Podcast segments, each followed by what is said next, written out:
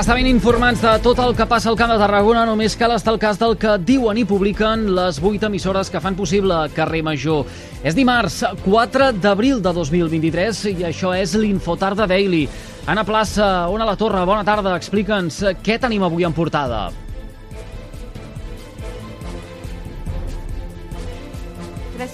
milions d'euros dels fons Next Generation que havia demanat per finançar el projecte per convertir l'antic Banc d'Espanya en un centre de divulgació científica.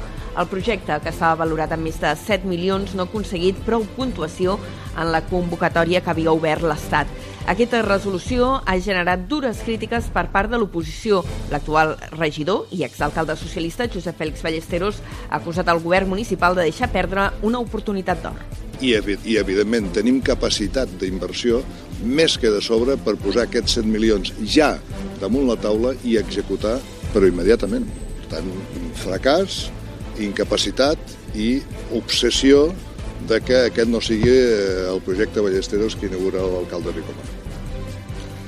Des de l'equip de govern municipal de Tarragona ja han replicat que es buscaran altres vies de finançament per al projecte del Banc d'Espanya perquè el regidor de Servei General Jordi Fortuny ha argumentat que no volen endeutar més l'Ajuntament pagant íntegrament aquesta obra.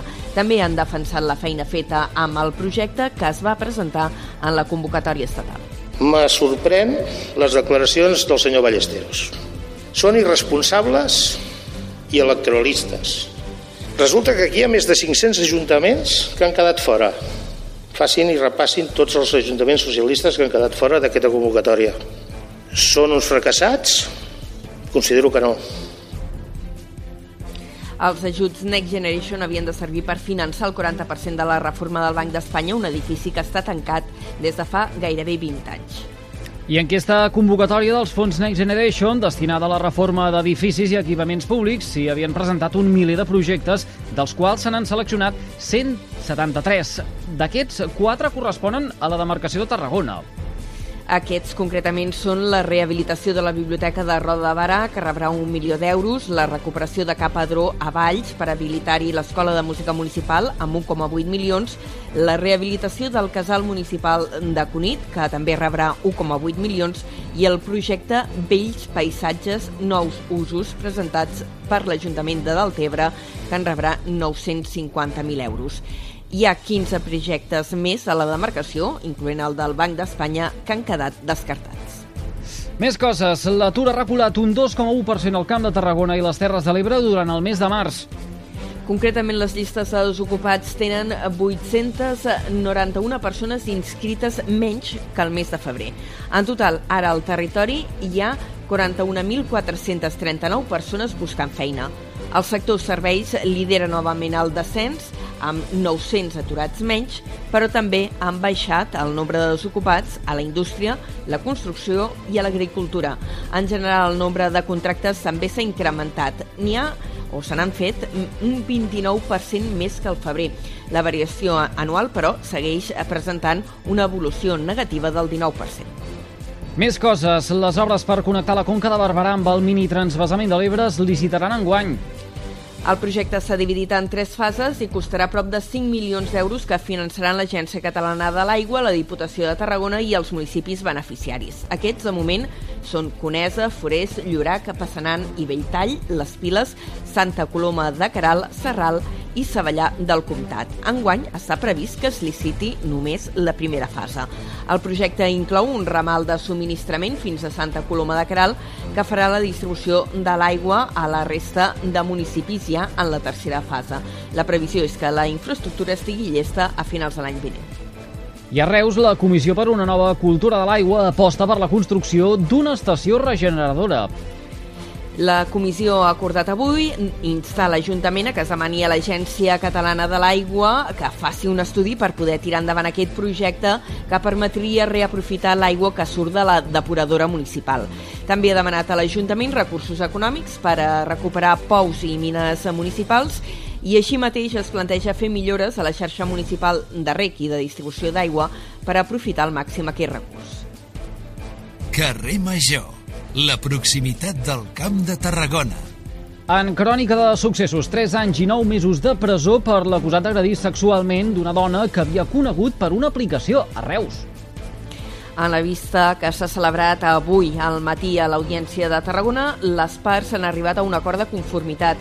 Fiscalia ha rebaixat la petició inicial de 19 anys i mig de presó alegant l'atenuant d'alteració psíquica i la de reparació de danys, ja que s'han consignat 5.000 euros de responsabilitat civil. La defensa ha sol·licitat la suspensió extraordinària de la pena. I d'altra banda, avui també els hem d'explicar que instant en la primera llambor de Stolperstein a Reus en record el deportat Pere Isern Anton. Iser va ser empresonat al camp d'extermini de Mauthausen l'any 1940 i alliberat a un altre camp de concentració, el de Gusen, l'any 45.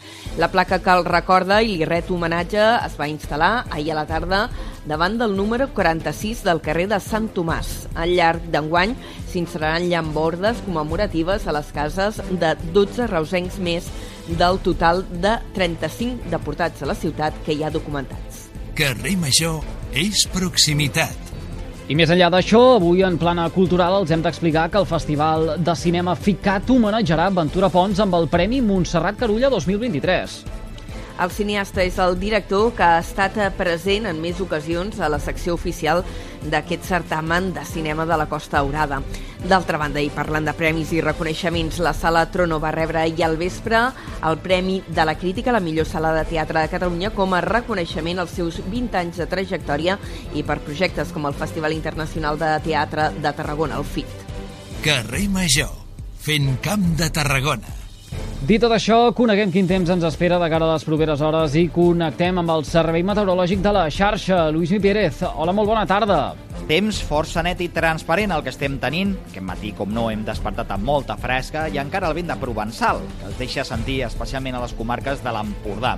Al llarg d'aquesta tarda un ambient agradable, no pas gaire calorós tampoc, arribarem com a molt als 20-21 graus de màxima cap a la terra ferma, i també aquesta tarda núvols que s'aniran inflant. Alguns en comencen a treure el nas a hores d'ara cap a les muntanyes del prelitoral, i serà aquesta tarda quan acabaran deixant algun ruixat, sobretot entre el Moianès, el Vallès Oriental, la Selva, l'Almaresme, també el Berguedà, Osona i les muntanyes del Vallès Occidental o del Baix Llobregat, per tant, al voltant de Sant Llorenç del Munt i Montserrat.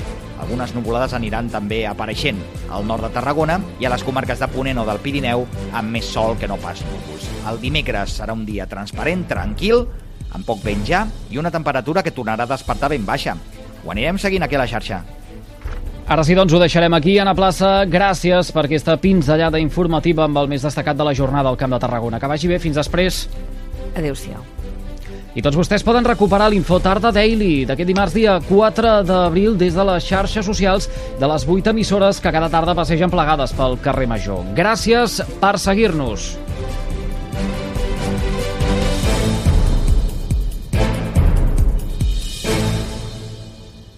El valor del Camp de Tarragona.